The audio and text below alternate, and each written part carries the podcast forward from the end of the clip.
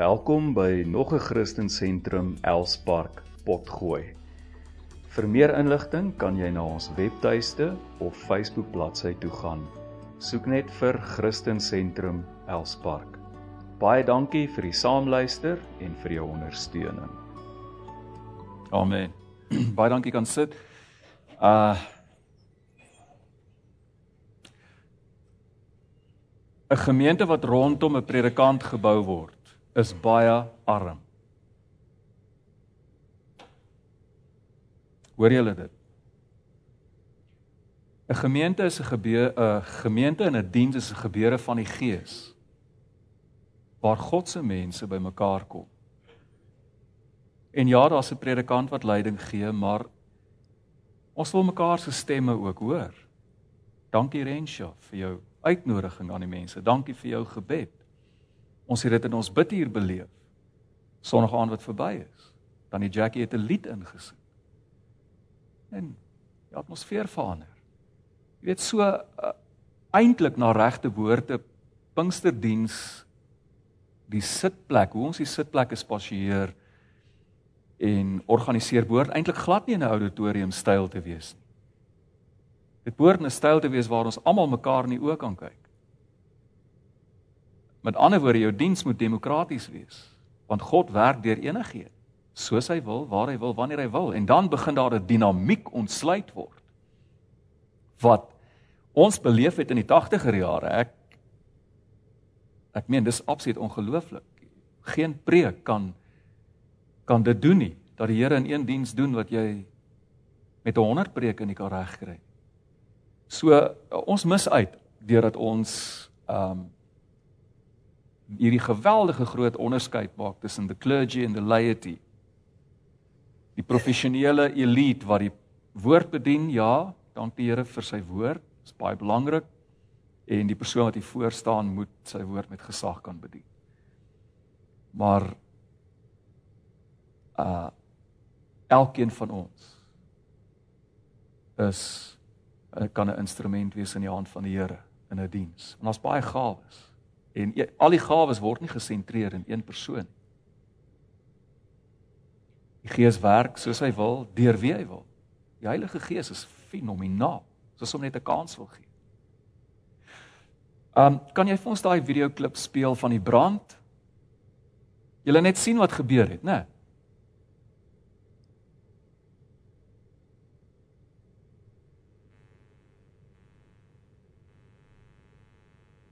Dis redelik aan die begin stadium. Baie dankie.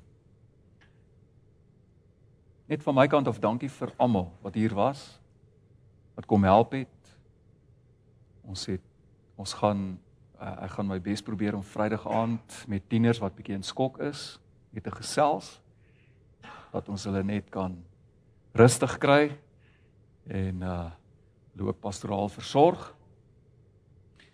En uh dankie vir ons gemeenskap wat ons hele parkeerterrein vol geparkeer het en die mense was hier aan weerskante. Ons het gesukkel om om die brandweer in die hande te kry, maar toe hulle gekom het, het hulle baie goeie werk gedoen. En ons sê dankie vir ons gemeenskap, ons sê dankie vir al ons lidmate wat hier was. Ook ou oud lidmate wat hier kom aanbysit het. Dit was fenomenaal. Uh, baie dankie daarvoor. Ons kyk vanmôre na uh Jesus se woorde in Matteus 5 vers 17. Terloops, wie van julle wat gister hier was, het geniet? Absoluut, né? Nee. Wie van julle was in trane op een of ander stadium? Ja, ek ook. Goed. Wonderlike tyd gister gehad. Die Here het ons so geseën. Matteus 5 vers 17 tot 20 En dan ook Galasiërs 5 vers 13 tot 14 en 16. Jesus praat hier, hy sê moenie eers daaraan dink, hoor mooi, moenie eers daaraan dink dat ek gekom het om die om die wet of die profete af te skaf nie. Ek het nie gekom om af te skaf nie, maar om te vervul. Amen. Ek sê vir julle totdat die hemel en die aarde tot nul gaan, sal daar beslis geen jota of titel van die wet tot niet gaan nie totdat alles vervul is. wie dis een van die geringste van hierdie gebooie afskaf en die mense so leer, sal die geringste in die koninkryk van die hemele genoem word. Maar wie dit onderhou en aandag daaraan en ander daarin onderrig, hy sal genoem word hy sal groot genoem word in die koninkryk van die hemele.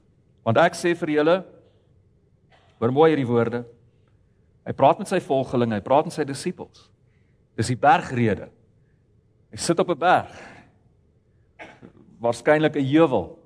En dan die daar's baie heuwels vir die mense wat al daar was. My gesê daar's baie heuwels rondom die see van Galilea. Sit op 'n heuwel wat hulle as Jode mag gesien het as berge en met ander woorde hy sit vir ons doeleindes op 'n berg en hy's besig om met sy volgelinge, hulle wat gekom het om hom te volg van oral af te praat. En ehm um, jy kan dit ook noem sy intree preek. So en hier praat hy met hulle en hy sê vir hulle want ek sê vir julle my volgelinge as julle geregtigheid nie aansienlik meer is as die van die skrifkenners en fariseërs nie sal julle beslis nie die koninkryk van die hemele ingaan nie. Dan Galasiërs 5 vers 13 tot 14 en 16. Julle broers, dis Paulus is tog tot vryheid geroep. Moet net nie julle vryheid misbruik sodat dit aanleiding gee vir die vlees nie. Maar dien mekaar deur liefde. Want die hele wet word in een uitspraak vervul. Jy moet jou naaste lief hê soos jouself. Maar ek sê leef deur die Gees vers 16 dan sal jy beslis nie die begeertes van die vlees uitvoer nie. Tot sover die Here sien hierdie woord in ons harte. Ons is besig om na opsommend. Ons kan dit nie in detail doen nie, opsommend na drie aspekte van Jesus se bergrede te kyk. Die eerste een wat ons reeds behandel het was Jesus se seënspreuke. Vandag staan ons stil by die tweede een. Geregtigheid. Geregtigheid. Jesus sê ons geregtigheid moet aansienlik meer wees as die van die fariseërs en die skrifkenners. Matteus hou vir ons Jesus voor as die Moses van die Nuwe Testament. En op 'n berg Sinaï berg het God die wet ook bekend as die Torah. Die wet aan Moses gegee. Hoewel dit God is, let op, God is wat die Torah, die wet aan Moses gegee het. Het dit later van tyd bekend geword as die wet van Moses. Die Torah van Moses. Die Jode het 'n Messias verwag wat die wet vir hulle in 'n nuwe vorm sou bring. En hier is Jesus. Ook op 'n berg. En hy leer sy volgelinge, hy leer ons die wet van die Messias. Die Griekse woord vir Messias is Christos, Christus. Hy leer vir ons die wet van Christus. Later in Galasiërs 6 vers 2 praat Paulus ook van die wet van Christus, die wet van die Messias.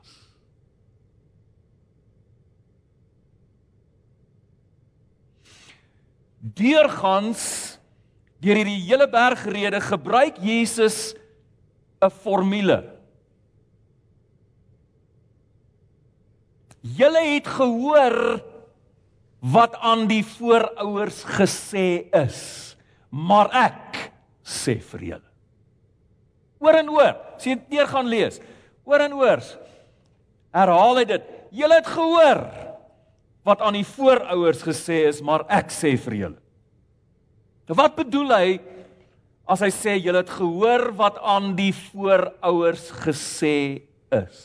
Luister mooi. Eerstens het hy die wet van Moses in gedagte. Maar jou rabbies, leermeesters, jou rabbies het baie nagedink oor die wet van Moses. Baie nagedink. Veral in die tyd toe die Jode in ballingskap in Babelonie was en in die tyd daarna. En hulle het kommentaar gelewer op die wet van Moses. So kry ons byvoorbeeld die Mishnah. Die Mishnah is 'n Joods is vol Joodse geskrifte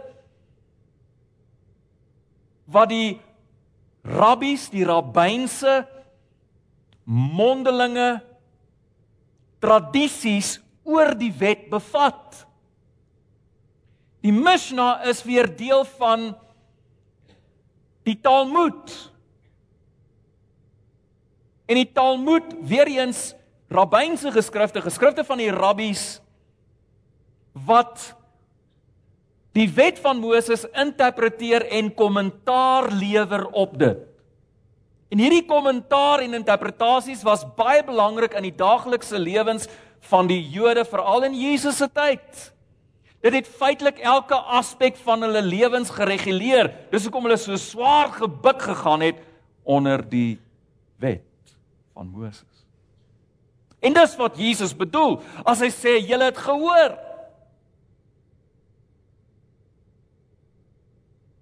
Wat aan die voorvaders gesê is. Julle het gehoor wat Moses en die rabbies met hulle kommentare en tra en tradisies en met hulle interpretasies van die wet van Moses vir ons voorvaders gesê het, maar ek sê vir julle En hierdie woorde maar ek sê vir julle was geweldig problematies vir die Jode. Hoe durf Jesus, wie hulle gesien het as net 'n mens, homself teenoor Moses en teenoor hulle geleerde, gerespekteerde rabbies stel? Hoe durf hy dit doen? As Jesus net 'n gewone rabbi was.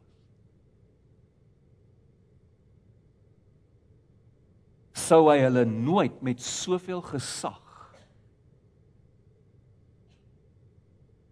in 'n nuwe rigting kon invat nie. En onthou, hulle het Jesus rabbi genoem. Sy disippels het begin deur hom rabbi te noem, leermeester. En later van tyd toe dit nader aan sy kruisiging kom, lees ons Petrus byvoorbeeld noem hom Kurios, Here terwyl Judas hom nog steeds rabbi noem, leermeester. Interessant.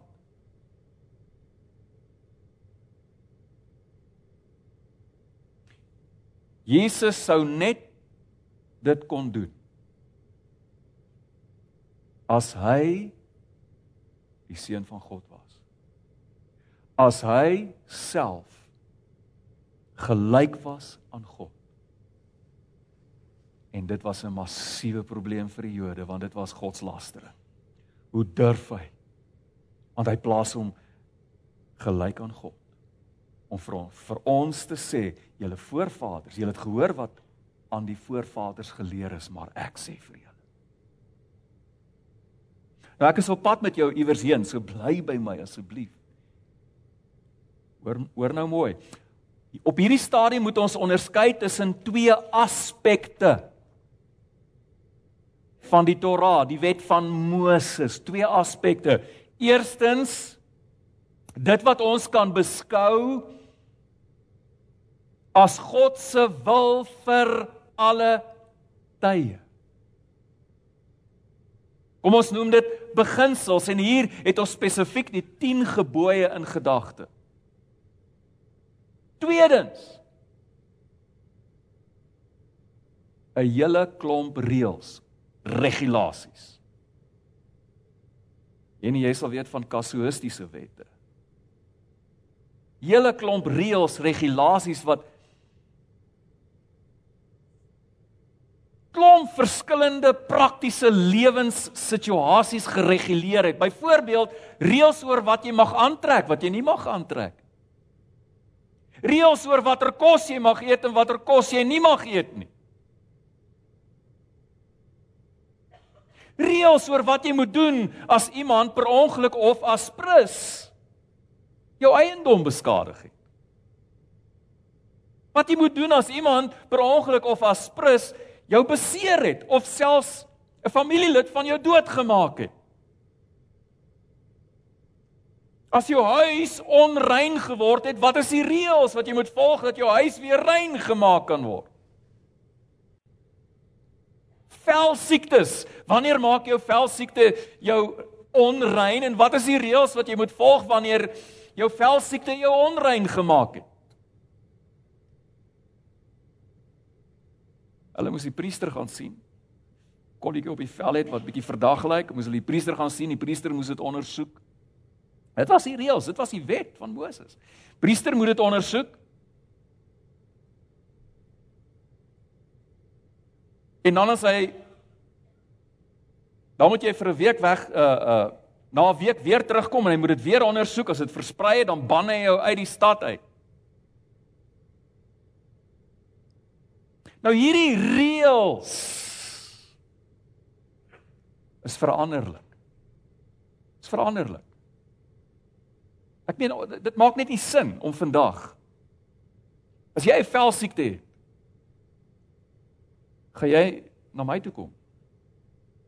Gaan jy na jou dominee of jou pastoor toe kom en sê ondersoek my vel. En dan gaan hy vir jou sê, "O, mm, mm, mm, hier's 'n probleem."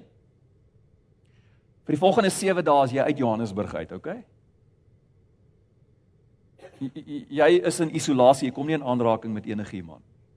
Ek sien jou oor 7 7 dae. Dan kom jy terug, dan kyk ek na jou vel en sê ek, "Ag, hierdie ding het versprei. Jy's onrein." Vir die res van jou lewe, hoor nou mooi, ek ban jou uit die stad uit. Weg is jy. Doen ons dit vandag? Na wie toe gaan jy as jy vel siekte het? Na wie toe gaan jy as jy 'n velsiekte het? Na die dokter toe. So jy kan sien dat hierdie twee aspekte van die wet van Moses, die Torah, eerstens die beginsels en dan hierdie klomp wette, wette oor hulle feeste en oor al die offers wat hulle moes bring. Wat veranderlik is.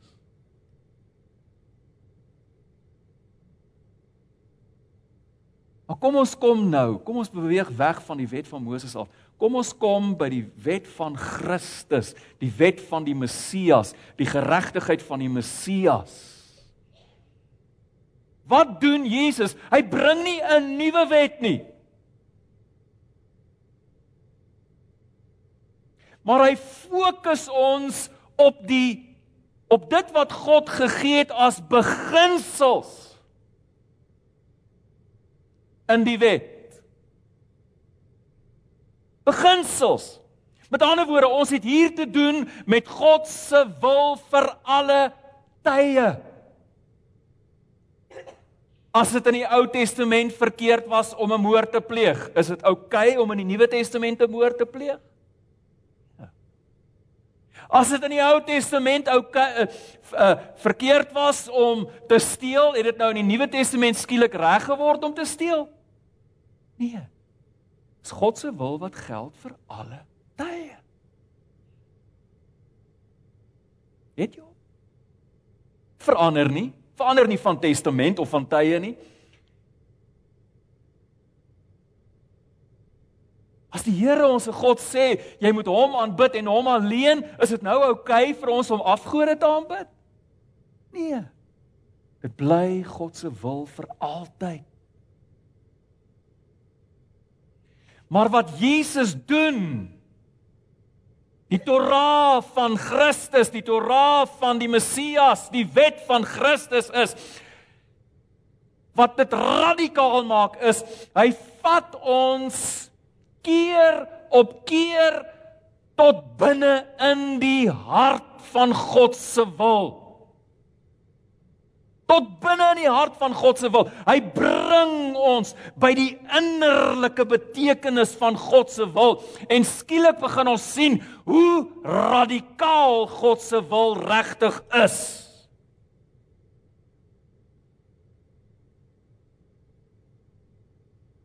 Die wet van Moses sê jy mag nie moord pleeg nie. Maar hoor die hart van God en dis waarna toe Jesus ons vat keer op keer. Hoor die hart van God. God se hart is dat ons nie eers mekaar sal haat nie. Wat nog te praat van moord pleeg. Het jy hom?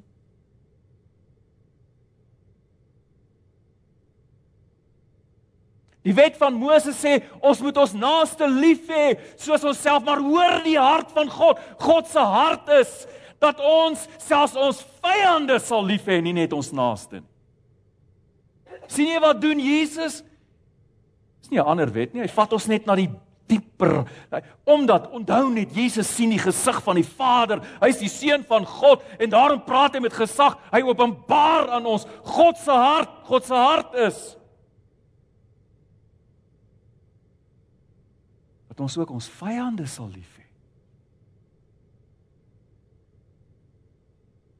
Die wet van Moses sê jy mag nie egbreek pleeg nie. Maar hoor God se hart. God se hart is dat ek nie eers na 'n ander vrou sal kyk om haar te begeer nie. Wat nog te praat van egbreek pleeg? Dis God se hart. En nou begin ons agterkom hoe radikaal is God se wil. En nou begin ons agterkom dat die wet van Christus, die wet van die Messias is eintlik die wet van liefde. In sy suiwerste vorm, in sy mees radikale vorm.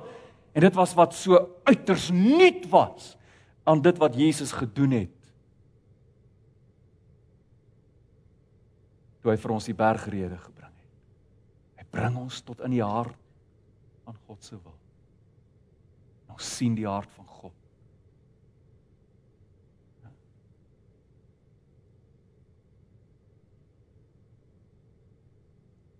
Nou skryf Paulus en ek haas my ek begin afsluit. Nou skryf Paulus in Galasiërs 5 vers 13 tot 14. Hy sê: Julle broers en susters is tot vryheid geroep. Moet net nie julle vryheid misbruik sodat dit aanleiding gee vir die vlees nie, maar dien mekaar deur liefde.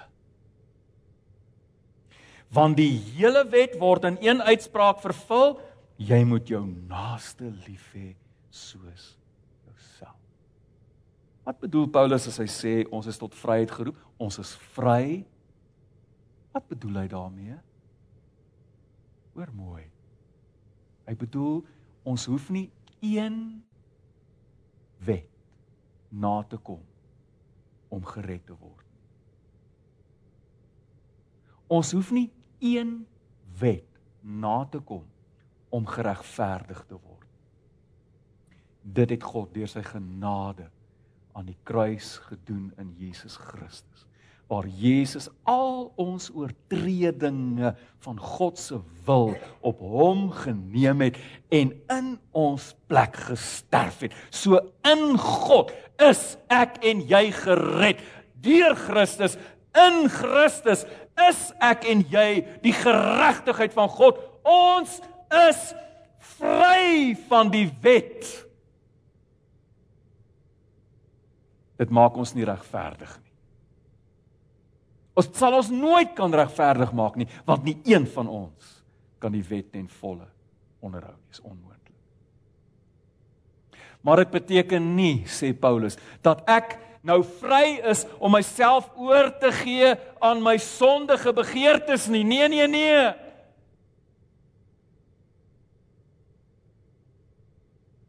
Die vryheid wat ek het, moet ek gebruik Wat is hierdie vryheid? Hierdie vryheid is ek hoef nie verbeete te probeer om my om om om my ewigheid te koop by God deur 'n wet na te kom nie. Ek is vry daarvan. Daai las is van my skouers af. Ek kan asemhaal.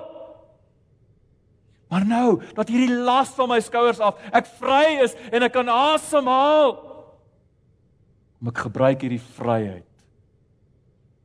om my naaste die mense rondom my en jy ken hulle gesigte. Ons ken hulle gesigte. Dis die mense wat ons elke dag mee in kontak kom by die werk, ons bure oral.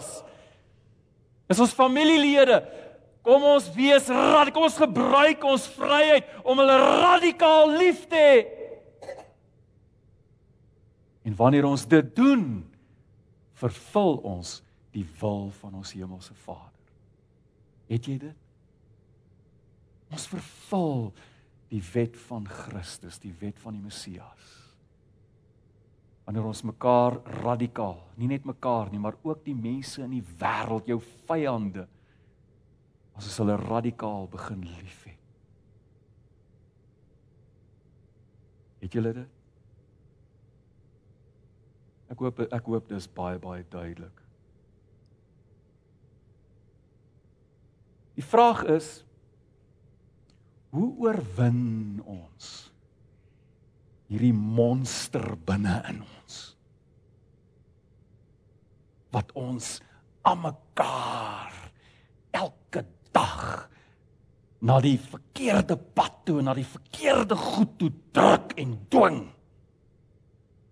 Oorwin ons dit met ons wilskrag? My maat, jy het 'n verlore stryd. Jy sal dit nooit regkry. Jy sal dalk hier en daar oorwinningkies behaal, maar aan die einde van die dag, jy daai oorlog gaan jy nie wen nie. Sal hom nie wen nie. Nie met nie met jou wilskrag nie. Hoe weet ek hoe om God se radikale liefde in praktiese lewenssituasies te leef? Met ander woorde, wanneer omhels ek en wanneer skud ek die stof van my voete af? Ek meen Jesus het gesê ons mag nie eers ons broere dwaas noem nie. Maar hy self het vir die Fariseërs, die skrifgeleerdes gesê, julle kinders van Satan. Addergeslag, witgepleisterde grafstene. so wanneer kan ek dit doen? En wanneer moet ek omhels? Moet ek dit met my verstand uitwerk?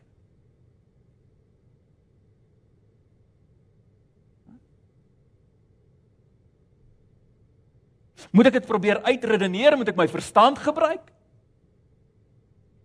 Weereens hier kom God se genade. Nee. Nee, nee, nee. Galasiërs 5 vers 16 sê: Leef deur die Gees Heilige Gees, dan sal jy beslis nie die begeertes van die vlees uitvoer. Nee, nie deur my wilskrag nie. Nie deur my ek tem nie my vleeslike natuur deur my wilskrag nie. Ek doen dit deur die krag van die Gees. My wilskrag is nie opgewasse nie, maar die krag van die Gees is opgewasse. Paulus skryf in Romeine 8 en hy sê: "As julle deur die gees die sondige praktyke van die liggaam doodmaak.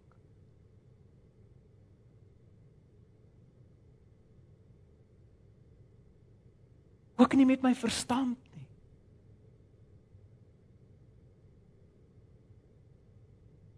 Ek kan nie God se wil met my verstand probeer uitwerk nie. Hoe op aarde kan ons dit regkry? In elke lewenssituasie, hoe Moet ek dit met my verstand wat nie tot in God se dieptes kan penetreer nie, wat dit nie eers in woorde kan uitdruk nie. Hoe moet my verstand weet hoe om God se liefde, sy radikale liefde in verskillende lewenssituasies te leef? Die antwoord is weer eens deur die Gees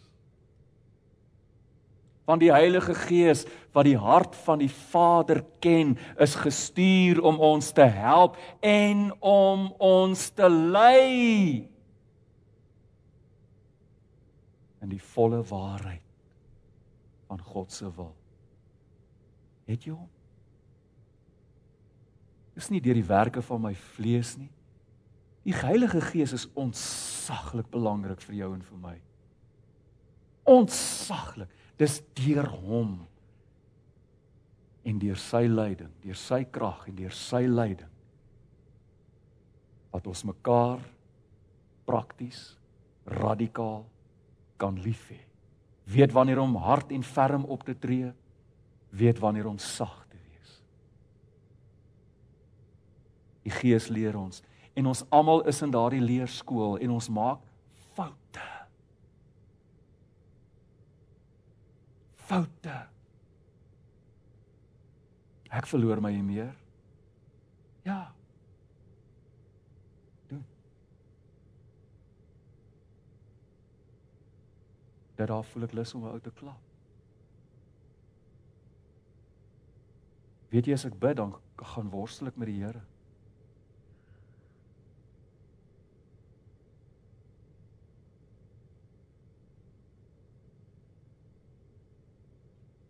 Wat moet ek doen Here in hierdie situasie?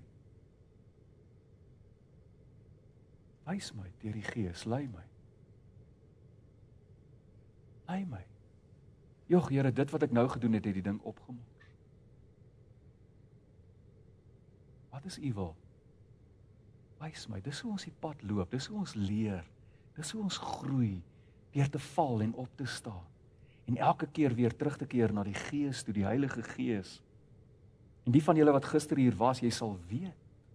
Jy het daar's oomblikke wat jy net bewus was van die teenwoordigheid van die Gees.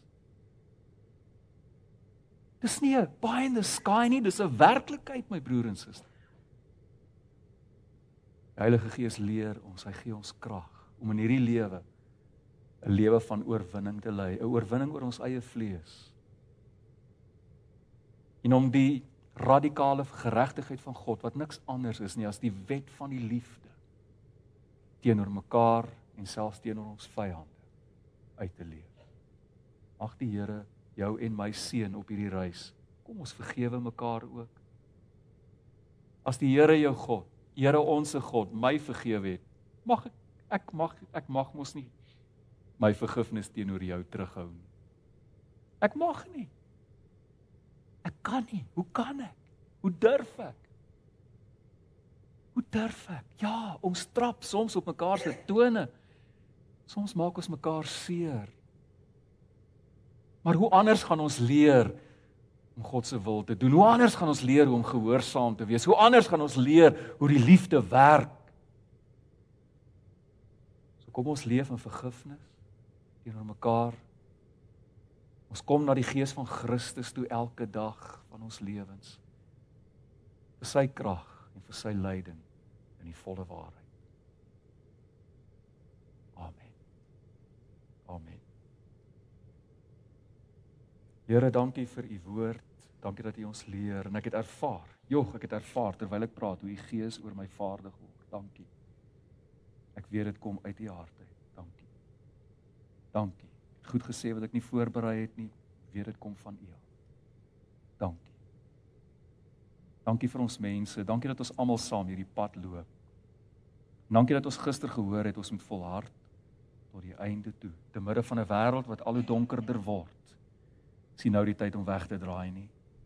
Dis tyd om vas te hou. Dis tyd om in te skop, om te wortel en op die van fondasie te staan van Jesus Christus. Ons dankie in Jesus naam. Amen.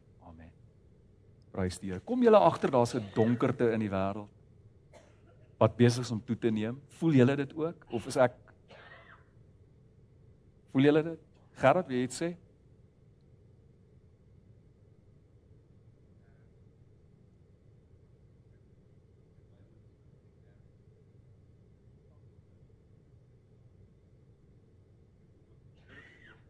Hoeveel meter is dit op trend, Gerard?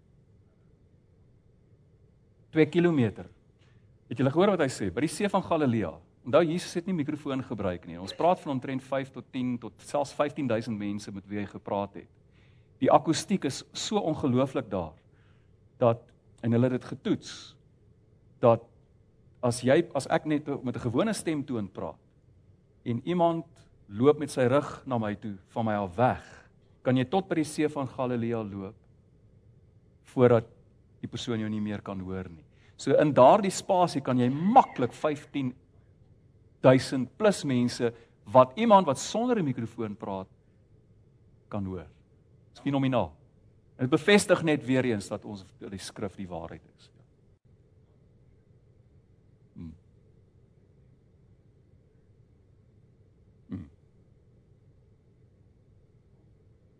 Baie dankie Gerard. Baie dankie. Goed, dit is insiggewend. Ek hoor hier's baie mense wat hoes.